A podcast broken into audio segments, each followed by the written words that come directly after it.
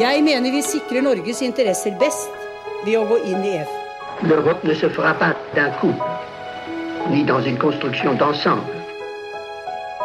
Das beste Mittel, um eine Politik zu treiben, die sich auf Vertrauen und Dette er ikke noe vanlig samarbeid mellom selvstendige nasjoner.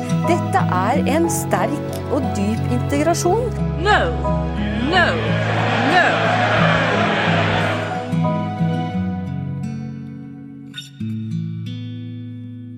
Velkommen til Det europeiske kvarter, en podkast om europeisk politikk og historie av Lise Rye og meg, Kristine Graneng, ved Europastudier på NTNU. Dette er den 17. episoden av podkasten, og den aller siste i denne sesongen. Og i høst så har vi snakka om Norge sitt forhold til EU og ulike aspekter ved det. Nå er vi nok en gang tilbake på hjemmekontor, Lise, og det nærmer seg jul med stormskritt. Og i denne situasjonen så tenker vi at vi også må prøve å bidra litt til julestemninga med det vi kan. Eh, og du har med tre nøtter til oss, Lise, til denne episoden. I den nøtteren så tror jeg ikke det er jegerkostyme og ball, ballkjoler, det tror jeg kanskje vi må spare til julaften. Men eh, hva er det egentlig du har med? Du, det er tre saker, tre litt ulike saker fra ulike politikkområder som eh, både er aktuell og som, tenker jeg, setter fingeren på noen utfordringer ved den norske tilknytninga til EU. Da går vi bare på å åpne den første nøtta. Og i den så finner vi batterisaken. Ja, batterisaken den dukka jo opp i fjor på denne tida, da Hydro, Equinor og Panasonic gikk ut og etterlyste kommuner som kunne være interessert i å huse en ny norsk batterifabrikk. Eh, NHO og LO kom på banen og ba om konkurransedyktige rammevilkår for det som man tenkte kunne bli et nytt norsk industrieventyr. Og kommunene de sto i kø. En av dem var min hjemkommune, Steinkjer, som nå så muligheten til å skape mange nye arbeidsplasser. En frase som jeg syns har gått igjen mye de siste ti årene, det er jo eh, Norge som Europas grønne batteri. Og her får det jo veldig bokstavelig betydning. Ja, det har det. Eh, Det her handler jo, om vi løfter blikket fra Steinkjer, eh, om det grønne skiftet og om den elektrifiseringa som det vil kreve. Og helt konkret så handla det om at mye lå godt til rette for at Norge kunne bli en storleverandør av batterier til europeisk produserte elbiler. Og da er jo spørsmålet hvordan har det her sammenheng med Norge sitt forhold til EU? Hva er det det forteller oss om hvordan det fungerer? Ja, altså Problemet som etter hvert ble klart for dem som hadde engasjert seg i denne saken, var frihandelsavtalen mellom EU og Storbritannia. Eh, som medfører, sånn som situasjonen er i dag, i alle fall, at elbiler med batteri fra tredjeland, som Norge, etter hvert ville møte en tollsats på 10% Men det egentlige problemet er jo, er jo ikke den avtalen. Eh, Det egentlige problemet er at eh, for Norge da, at EUs eh, økonomiske og handelspolitiske samarbeid er langt mer omfattende enn det indre marked. Og det tenker jeg er interessant, fordi i Norge så har vi venna oss til å tenke at våre handelspolitiske interesser er sikra med EØS-avtalen. Men så enkelt er det altså ikke, for EU er også en tollunion. Og denne tollunionen forhandler sine egne handelsavtaler med tredjeland. Og Norge er ikke medlem av tollunionen, og derfor blir vi også et tredjeland på utsida av EUs handelssamarbeid med andre tredjeland, sånn som Storbritannia. På dette området kan vi derfor kanskje si at vårt samarbeid med EU er mindre omfattende enn det vi kun ønsker oss. Og det blir spennende å se om dette er en nøtt som vi kan forhandle oss ut av i året som kommer. Når det gjelder de to andre sakene jeg tenkte vi skal snakke om i dag, så er situasjonen omvendt. Der ønsker vi, eller iallfall mange i Norge, å skjerme oss fra utviklinga i EU. For det er områder hvor utviklinga i EU går lenger enn hva mange i Norge ønsker seg. Ja, da lurer jeg jo på hva neste nøtt er. Vi får bare åpne den. I denne nøtta så finner vi minstelønn. Hva er det den saken handler om? Du, det handler om at EU nå forhandler et minstelønnsdirektiv. I Norge så er det vel egentlig ingen som heier på eh, den utviklinga. For vi har jo ikke minstelønn i Norge. I stedet så har vi en godt innarbeida praksis hvor partene i arbeidslivet, altså organisasjonene til arbeidstakere og arbeidsgivere, forhandler om lønn. Det er en av pilarene i det norske samfunnssystemet, eller den norske modellen, om du vil, hvor sterke organisasjoner bidrar til et mer demokratisk arbeidsliv og til et mer demokratisk samfunn. En ting som jeg syns er veldig interessant i denne saken, og det nevnte du også så vidt, Lise, det er jo at det er, så vidt meg bekjent, iallfall det første direktivet, eller forslag til direktiv, det breie flertallet i norsk politikk har stilt seg så tydelig mot, iallfall som et utgangspunkt. Som sagt så er det jo ikke vedtatt ennå, det blir fremdeles forhandla om, så det er ikke helt klart hva et sånt minstelønnsdirektiv vil inneholde ennå. Men Solberg-regjeringa, med Høyre og tidligere utenriksminister Ine Eriksen Søreide i spissen, de var veldig tydelige på at de ikke ønska et minstelønnsdirektiv som la opp til en europeisk minstelønnsstandard. Så det mest EU-vennlige partiet i norsk politikk har vært tydelig kritiske til et sånt direktiv, og det syns jeg er interessant. Det er det. Og bekymringa i Norge rundt det her nye direktivet som det nå forhandles om, handler altså om at EU beveger seg i en retning som, som bryter med den norske modellen.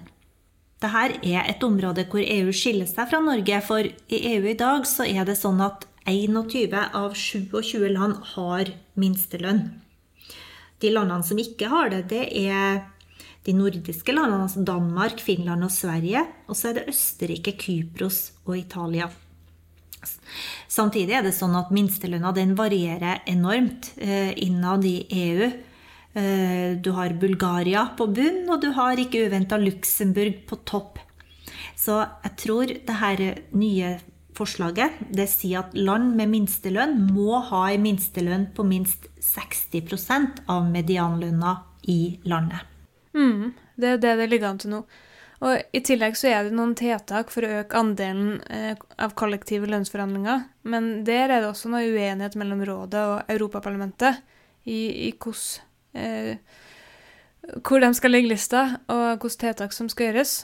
Og så er det også viktig å legge til at det har vært en del skepsis fra noen medlemsland til det her forslaget om minstelønnsdirektiv. Du var jo innom at de nordiske landene ikke har hatt en tradisjon, eh, har hatt en tradisjon for minstelønn. Og Danmark de har valgt å stille seg utafor den felles posisjonen medlemslandene har tatt i rådet, mens Sverige har gått med på den posisjonen, men sier at det her er grensa for det de kan akseptere. Så det gjør jo også at det blir veldig spennende å følge med på forhandlingene mellom Europaparlamentet og medlemslandene når de skal bli enige om et felles, felles vedtak til slutt. For det må de jo. Ja, det blir det. Og så må det også sies at ståa akkurat nå, det er at norske myndigheter mener at minstelønnsdirektivet, sånn, sånn som det ser ut nå, da, ikke er EØS-relevant. Og heller ikke EU har sagt tydelig om de mener at det er EØS-relevant eller ikke. De bruker jo merk saker som, som EØS-relevant hvis de mener at det er det, men det har de ikke gjort med denne saken. Men det betyr jo ikke at de ikke kan gjøre det på et senere tidspunkt. Nei, det betyr ikke det. Eh, og spørsmålet blir vel hva som kan skje om noen på et punkt bestemmer seg for å prøve det her minstelønnsdirektivet rettslig. Mm, for det her er jo en politikk som som er meint å bygge opp under den frie bevegelsen av mennesker. Prinsippet om at man skal kunne reise fritt rundt i Europa som EØS-borger og ta seg jobb der man ønsker. Ja. Jeg tror at arbeidsliv blir et aktuelt felt. Eh, det blir jo en diskusjon om det her, og det er noe vi må snakke om eh, i Norge, men også her i det europeiske kvarter, Kristine. Mm så er det én nøtt igjen, den siste nøtta. Og den nøtta er kanskje den som er hardest å knekke. Det er iallfall den det er mest debatt om for tida. Vi får åpne den nå. Og inni denne nøtta så finner vi ACER, EU sitt energibyrå. Men denne saken her handler vel egentlig om ganske mye mer enn ACER. Det handler om det europeiske strømmarkedet, og hvordan det har betydning for den prissituasjonen som er i Norge nå, med unormalt høye strømpriser som virkelig har store konsekvenser for mange. Men hva er egentlig ACER? Du, ACER det er jo det her byrået for samarbeid mellom energireguleringsmyndighetene, som det heter. Og det jobber i hovedsak med å sikre at reglene som styrer EU sitt indre marked for energi, praktiseres likt. Så er det sånn at ACER har òg myndighet til å skjære igjennom hvis landene er uenige. Så ACER har altså myndighet til å fatte vedtak på sine områder. Men ACER er samtidig ingen aktør på linje med Rådet eller Europaparlamentet. For ACER vedtar ikke politikk. ACER tolker politikk, og i det ligger det selvfølgelig òg innflytelse. Men eh, hovedfortellinga her, sånn som eh, ACER fungerer i dag, er at eh, det tolker politikk og regelverk som andre aktører har utforma og vedtatt. ACER-debatten den er jo ikke ny. Eh, det var jo også en debatt om ACER før den voldsomme økninga i strømprisene. Men utviklinga den siste tida, det må vi jo kunne si at virkelig har nøra opp under motstand mot ACER. Ja, den har det. Men det er det egentlig ingen grunn til, sånn som ACER fungerer i dag. For ACER har ingen innflytelse verken på strømprisene eller på spørsmålet om det skal bygges utenlandskabler eller ikke. I Norge så er jo nesten all strøm i offentlig eie. Staten, fylkeskommuner og kommuner, altså du og jeg, som eier omtrent 90% av produksjonskapasiteten i den norske kraftsektoren. Og staten eier vel ca. 35% via Statkraft. Og i dag er det da altså ca. 200 norske kommuner som har økte inntekter som følge av økte kraftpriser. Det er eierne som selger kraft, og det er eierne som får inntektene. I det hele tatt så tenker jeg at Eller på den ene sida så tenker jeg at ACER får for stor oppmerksomhet i den norske debatten på bekostning av hva den egentlig handler om, eller hva den egentlig burde handle om, som er energiunionen og EU sitt pågående arbeid for å utvide det indre marked til å omfatte energi. Og det handler om de reglene som blir vedtatt, som ACER skal følge opp, ikke sant? Så det er de politiske beslutningene som kanskje burde ha blitt diskutert. Og politikken, altså det politiske mm. målet om en energiunion og om å utvide indre marked til energi. Men samtidig, da, på den andre sida, så tror jo jeg òg at ACER vil få mer makt. Og at ACER om ti år kan være noe annet enn det ACER er i dag. I Norge vedtok vi jo denne tredje energipakken i 2018. Eh, en pakke som EU for øvrig vedtok i 2009. Men nå har EU vedtatt den fjerde energipakken, altså en fjerde pakke med lovgivning eh, på dette området. Og den vil Norge også må ta stilling til. Og fjerde energipakke den innebærer også at ACER får mer myndighet. Men hva kan vi si mer om det her, Kristine? Du forsker, ja, du forsker jo ikke på energi, men du forsker jo på debatter om integrasjon. Og du sammenligner debatter på tvers av land. Har du sett noe som sier noe om den norske debatten ligner på debatter om energiunion i andre land?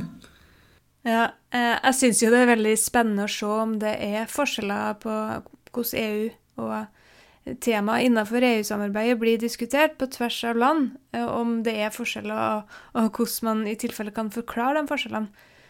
Eh, men så har jeg prøvd å finne ut om det er forska noe særlig på debatten om EU sin energiunion og ACMI spesifikt eh, allerede, men jeg har ikke funnet noe særlig om det. Det meste av forskninga handler nok mer om selve utviklinga av energimarkedet og om ACER sin, sin myndighet og rolle i det, og ikke så mye om diskusjonen eh, som skjer i offentligheten. Jeg tenker at vi kan linke til noen av de artiklene som handler om det, på Facebook-sida vår, for dem som er eh, interessert i å lese mer om det. Så har ikke noe konkret forskning å vise til eh, som handler om, om debattene, men det jeg har merka meg, det er jo at debatten om energimarkedet og utveksling av strøm på tvers av landegrenser har blussa opp den siste tida, også i andre land enn Norge. Og det er jo ikke så overraskende. I Sverige f.eks. så er Venstrepartiet, det partiet som ligger et sted mellom SV og Rødt politisk, hvis vi skal sammenligne med Norge, de har tatt til orde for å begrense bruken av strømnettet til salg av strøm utenlands og møtt ganske kraftig motbør.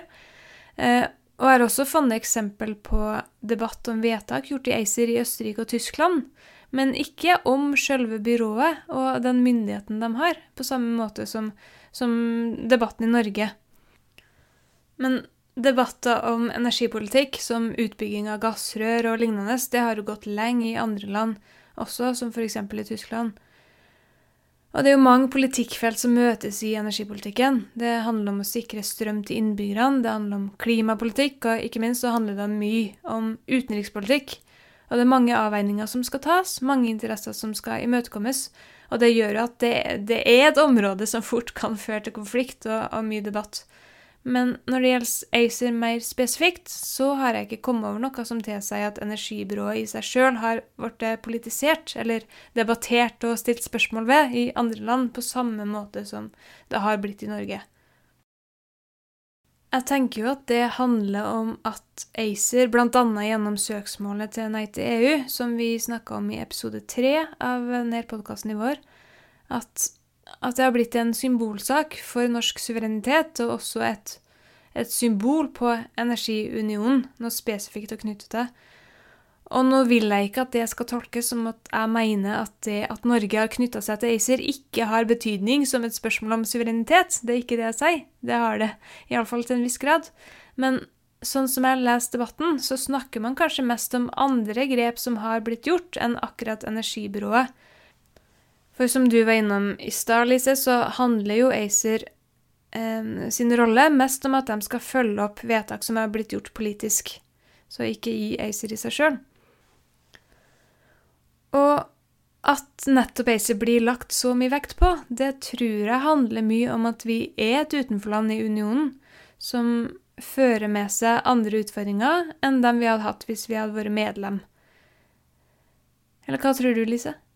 Nei, jeg syns at ditt svar er godt. Det. Eh, er en symbolsak. Jeg tror også at det er en måte å på en måte forenkle noe som egentlig er ganske komplekst på. Men jeg tror vel også at det handler ganske mye om at vi her er på et område hvor Norge og majoriteten av EU-landene har litt sånn avvikende historie og avvikende interesser. Vi er, så, vi er så vant med at strømmen har vært billig i Norge, og vi er en stor eksportør av energi. Eh, I EU så er det stort sett eh, omvendt. De er vant med at strømmen er dyr, og de er vant med å kjøpe energi. Men Energiunion den minner meg jo samtidig om det som har vært målet med den norske kraftproduksjonen. Målene er veldig like. Det handler om å gi innbyggere og næringsliv sikker tilgang på rimelig energi. Og det har jo vi hatt i godt over 100 år. Og vi har vært heldigere stilt enn nær sagt alle. Eh, jeg har så ofte når jeg har vært utenlands og famla etter lysbryteren i mørke trappeoppganger hvor lyset slår seg av automatisk. Tenkt på det her. Hvor, hvor god råd vi har hatt på strøm i Norge. Og det har jeg også tenkt når jeg er på fjellet og ser eh, oppkjørsler med varmekabler og utebelysning som står på på hyttene gjennom hele vinteren. Hvor ellers finner du det, da? Nei, det er sant. Det var, det var de tre nøtterne, Lise. Eh, batterisaken, eh, minstelønnssaken og ACER. Eller energiunion mer, mer bredt. Og som du sa innledningsvis, så viser de her tre sakene at Norge sitt forhold til EU har begrensninger, som i batterisaken, men også at det er motstridende interesser innenfor det området tilknytninga omfatter, som i sakene om minstelønn og energiunion, vil iallfall noen si da, om den siste saken. Og det blir jo stadig vanskeligere, sånn som EU utvikler seg, etter hvert som EU eh, går videre, og integrasjonen og det europeiske samarbeidet blir mer omfattende, og plukk det man ønsker av samarbeidet, og, og prøv å unngå ulempene og unngå å gi så mye. Og det ble jo enda vanskeligere etter brexit, eller iallfall enda tydeligere etter brexit, eh, at man ikke kunne komme og, og, bare velge akkurat det man ville fra menyen. Nei, det var ikke noe lett før heller. Norge ble jo beskyldt for å drive med kirsebærplukking da vi forhandla frem EØS-avtalen, og det var en vanskelig avtale å forhandle frem. Den ble ganske god for Norge. Jeg tror det vil bli mye vanskeligere fremover fordi EU-samarbeidet ser annerledes ut, og fordi du har så mye mer sektorovergripende politikk. Det er kanskje ikke de beste sakene vi har valgt Lise, til, å, til å bidra til julestemninga, men vi håper at vi iallfall har bidratt til å informere litt uh, om hva som foregår, og hva som er greit å følge med på, på videre. Det er ikke artig, men det er viktig. Ja, det er sant. Og så er det jo litt artig, syns jeg, når vi kan kombinere det med nøtteknekking også. Før vi gir oss, eh, før vi tar juleferie her, så kan vi avsløre at vi kommer tilbake med en ny sesong av Det europeiske kvarter utpå nyåret. Og om dere har kommentarer eller ønsker til tema som dere gjerne vil eh, at vi skal snakke om, så skriv gjerne til oss på Facebook eller til e-postadressa vår, som ligger ut sammen med denne podkasten. Og da gjenstår det bare å si takk for følget gjennom høsten, og ønske dere alle ei skikkelig god jul. God jul. God jul.